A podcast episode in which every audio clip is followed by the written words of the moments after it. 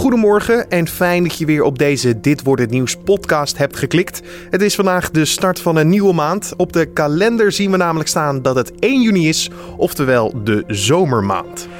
Mijn naam is Carne van der Brink en ik praat je deze ochtend bij over het nieuws van afgelopen nacht en ook wat voor dag het vandaag gaat worden. Bijvoorbeeld, we gaan aandacht besteden aan de finale van Utopia. Wat voor impact heeft Utopia namelijk gemaakt in de afgelopen vier jaar? Want ik verbaas me er echt over dat er iedere dag 500 tot 600 mensen naar kijken.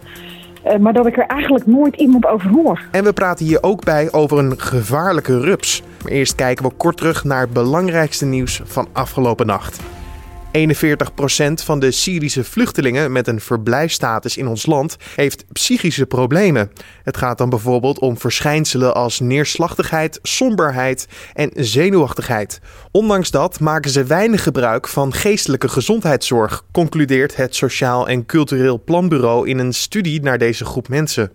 De zakelijke dienstverlening zag in het eerste kwartaal de omzet stijgen met 7,5 procent. Vooral de uitzendbranche deed het goed, met een groei van 12 procent namelijk. Ook over het tweede kwartaal zijn uitzenders optimistisch, hoewel ze in toenemende mate geraakt worden door krapte op de arbeidsmarkt. Het Nederlands elftal is er donderdagavond niet ingeslaagd om de vriendschappelijke wedstrijd tegen Slowakije te winnen. De Interland eindigde in een 1-1 gelijkspel. Bondscoach Ronald Koeman was erg teleurgesteld, zei hij, over het gebrek aan agressie bij Oranje voor de rust. Nou kijken we naar de dag van vandaag, oftewel dit wordt het nieuws. Het einde is nabij voor een programma wat al vier jaar te zien is op de Nederlandse televisie.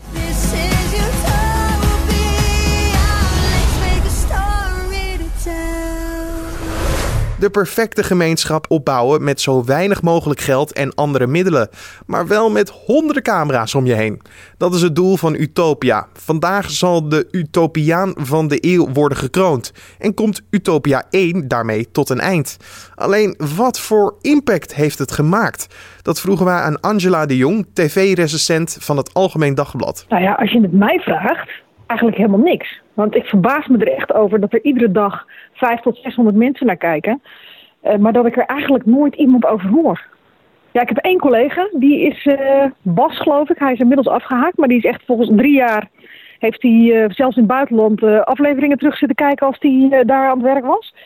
En ik weet dat Boer Geert in het twee seizoenen geleden van Boer Zoekt Vrouw... Dat, daar, die, dat hij één logier had waar die iedere avond per se Utopia wilde kijken. Maar dat zijn eigenlijk de twee mensen die ik ken die echt iedere avond voor de buis zitten. Dus ik vind het, het heeft me, ja, het fascineert me zo gigantisch dat daar echt zo'n grote fanschare is. En uh, ik dan af en toe wel een uh, artikel lees, bijvoorbeeld uh, nou ja, bij jullie op nu.nl of in de Telegraaf over een bewoner. Dat ik denk, oh, er is blijkbaar weer een nieuwe, want die ken ik niet. En dat er toch blijkbaar een enorm publiek voor is. En ja, dat ik niemand ken. Het is een stille hit. Zo noemen ze dat. Een stille televisiehit. Misschien ook wel een soort geraamte voor SBS die altijd wel staat. Waar je altijd op terug kan vallen inderdaad. Zo moeten we het misschien zien. Programma technisch is dat natuurlijk absoluut zo. Het is een, een baken in de uh, programmering. Het is ook echt een zegen uh, voor John de Mol natuurlijk. Dat hij op een uh, van half acht tot acht zoveel mensen weet te trekken. En daarom is het ook heel logisch dat hij een tweede seizoen of een tweede versie gaat maken. Want ja, ik bedoel, die 500.000, 600.000 kijkers, die raak je anders kwijt. En blijkbaar is Utopia een mooie aanvulling op, ja, wat heb je dan? Het RTL Nieuws, um, nou ja, De Wereld Draait Door of M Nu. Dus ja, uh, er is wel duidelijk een publiek voor real-life uh, series. Ja. ja. En als we daaraan denken aan de real-life series, dan denken we eigenlijk gelijk al aan het grotere, de grotere broer, Big Brother. Big Brother. Ja, is het eigenlijk al een beetje uit de schaduw van Big Brother gekropen? Of is het nog steeds eigenlijk wel, ja, misschien vervelend om te zeggen, een, een kloon? Nou ja, dat is altijd wat, wat mij, zeg maar, waar ik me nooit overheen heb kunnen zetten als kijker. Ik heb het allemaal al een keertje gezien. En allemaal leuker in Big Brother. En het was leuker omdat daar mensen zaten in het eerste seizoen die totaal niet wisten wat ze teweegbrachten in Nederland. Die ook dachten van joh, we zitten hier op de bank, maar er kijkt geen hond meer. Nou ja, we zitten onze tijd uit. Niet weten dat heel Nederland helemaal knettergek was van Bart en Ruud en nou ja, noem ze allemaal maar op. En in al die andere versies die er geweest zijn, ook in de latere seizoenen van Big Brother, maar ook uh, alle varianten die erop bedacht zijn, waar Utopia er natuurlijk ook een van is. Ja, daar weten die mensen of althans, die gaan erin met de intentie om beroemd te worden. Want ja, die willen die tweede Ruud worden.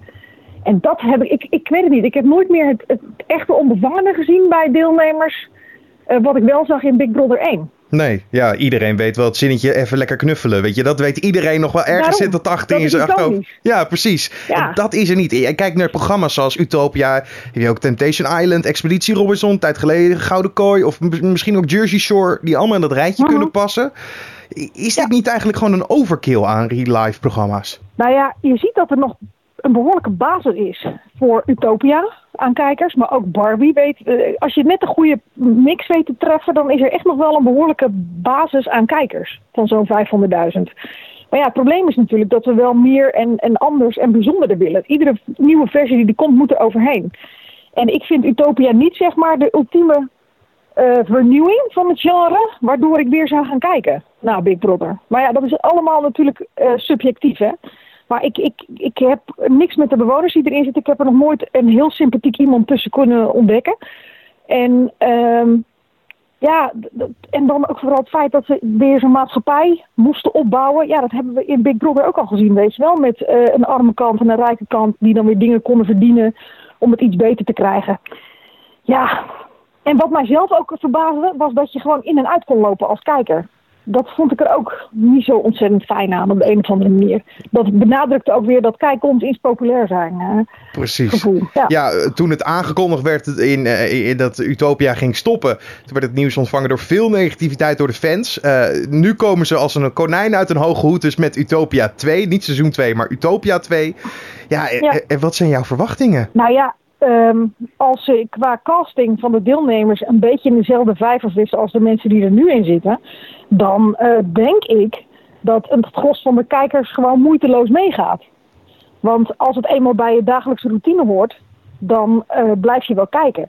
Maar ja, op het moment dat er dan ook weer geen deelnemers in zitten die je ontzettend aansprekend vindt, of uh, je hebt ook weer zoiets van, ja weet je, dit heb ik al een keer gezien dan haak je ook weer af. Dus ik, ik, verwacht dat er nog wel wat elementen in zullen zitten uh, die bedoeld zijn om het doel weer een beetje op te poken en uh, uh, spraakmakend te maken. Ja. Tenminste, het zou me tegenvallen als dat niet zo was. Maar ik hoor je nog niet even tussen de regeltjes, ik ga wel kijken. Of zie ik dan mis? Nee, nee, nee, nee. Ik ga natuurlijk wel even kijken. Zeker de eerste week. Uh, en wie weet bekeer ik me nog tot een ontzettende uh, utopia-gelovige. Um, je weet het niet. Er hoeven maar twee leuke mensen in te zitten en uh, je valt ervoor als blok. Maar ik, ik kan me het bijna niet voorstellen. Je hoorde tv-recensent Angela de Jong. En vanavond om half acht is de laatste aflevering van Utopia 1. En vanaf maandag begint alweer Utopia 2. Het warme weer van de afgelopen dagen zorgt niet alleen voor stikhete huizen, heftige onweersbuien en verbrande lichamen, maar ook voor een toename van de eikenprocessierups. Onderschat deze rups niet, want hij is namelijk zeer gevaarlijk. Waarom en wat voor rupsen het zijn, dat vroegen we aan Arnold van Vliet van Wageningen University and Research. Ja, processierups, uh, eikenprocessierups is de, de rups van de eikenprocessievlinder, die we later in het jaar pas uh, gaan zien. Um, maar het vervelende aan die eikenprocessierups is dat die, uh, elke rups heeft zo'n 600 tot 800.000 microscopisch kleine brandharen op zijn rug. En dat is waarom die zo uh, ja, berucht is. Nou, door die hele hoge temperaturen van de afgelopen weken uh, zien we dat die ontwikkeling van die rups heel snel is gegaan. veel sneller dan normaal. We hebben natuurlijk ook bizar hoge temperaturen gehad. Um, en in, door die hoge temperaturen zien we ook dat die rupsen het eigenlijk te warm krijgen boven in de boom. En dan gaan ze lager in die boom zitten. Al veel eerder dan dat ze normaal doen. Um, en ook op massaler dan ze normaal doen. En daardoor komen ze dus eigenlijk onderaan de stam uh, te zitten. En dat is waar wij natuurlijk ook komen. Of onze kinderen, het huisdieren. Uh, dus dan heb je eerder uh, kans dat je in contact komt met die, met die brandharen. Ja, wat, um, wat, zijn dan de gevaren die, als je in contact komt met zo'n rups? Uh, als je contact komt met die uh, brandharen van die rups, dan kan dat. Uh, ja, het zijn allemaal hele kleine splintjes. Het zijn, die, die, die brandharen zijn maar 0,2 millimeter, zeg maar. Um, maar er zitten weerhaakjes aan en die kunnen zich vasthaken in de huid. Dus allemaal kleine splintjes, maar het kan ook een allergische reactie geven. Er zit een bepaalde gifstof in die, in die haartjes. Um, en zeker bij herhaalde blootstelling aan die haren kan, kan die reactie heftig worden. Dan kan je echt flinke jeuk krijgen, uh, een beetje blaarvorming krijgen. Um, en in een uiterst geval zelfs een anafylactische shock. Dus dat is een overdreven allergische reactie. En dat is gewoon wel heel gevaarlijk. Uh, maar dat komt echt maar heel zeldzaam voor. Maar het kan dus wel. En wat verder nog optreden is dat, je ook, uh, dat het in je ogen kan komen. En ja, als dat daarmee en daar ontstekingen veroorzaken. en soms moet dat ook operatief verwijderd worden. Dus dat zijn geen fijne, ja, geen fijne zaken. Nee, dat is zeker niet niks. Maar hoe kan je zorgen dat dit niet gaat gebeuren? Waar moet je op letten? Nou, je moet gewoon goed uitkijken bij eikenbomen momenteel. Van of daar die rupsen in zitten. Ehm, en of ze er ook niet uitgevallen zijn. Want juist met die stormen van de afgelopen dagen zie je dat die rupsen die toch wat losser en wat lager zaten, ehm, dat die eruit gewaaid zijn. Of dat uh, de nesten die zij vormen, die karakteristieke nesten, uh, met allemaal vervellingshoutjes die ook allemaal weer vol zitten met brandhaar, dat die op de grond zijn gekomen. Um, en dan kan je daar dus mee uh, in contact komen.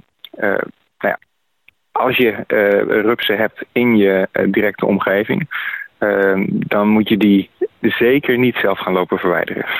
Uh, ik, ik hoor mensen die zelf aan de gang gaan met een uh, gasbrandetje of uh, zelfs met stofzuigers. Dat is echt absoluut niet doen. Want dan vergroot je de kans dat je ermee in contact komt, dat je letsel oploopt.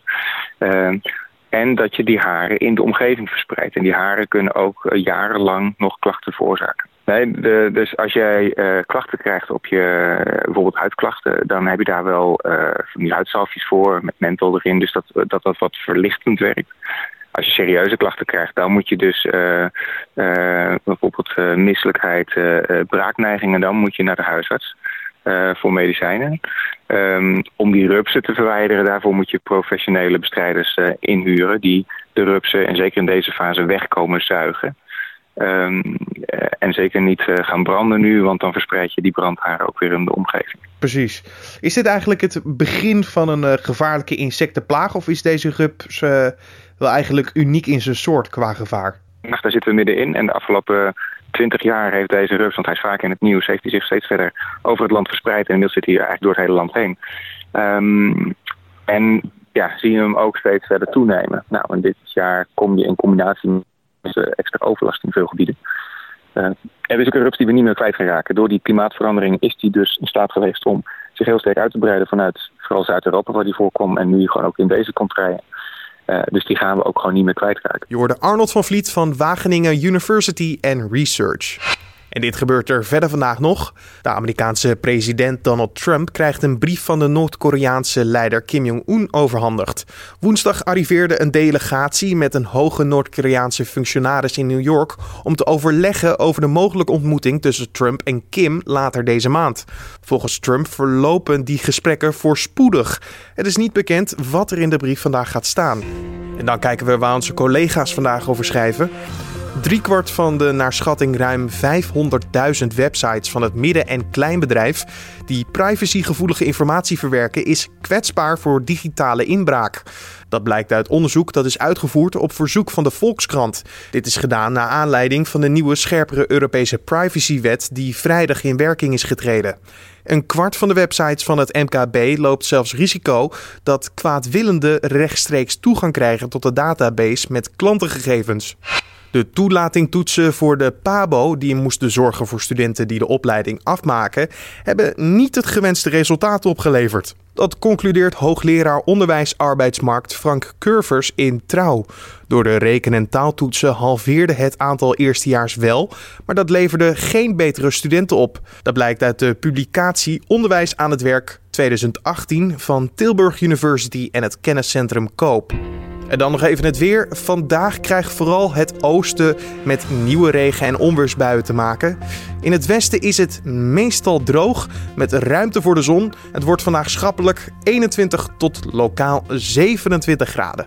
En dan nog dit. Het Algemeen Dagblad stopt met het doen van de nationale smaaktesten, zoals de haringtest, friettest en de oliebollentest.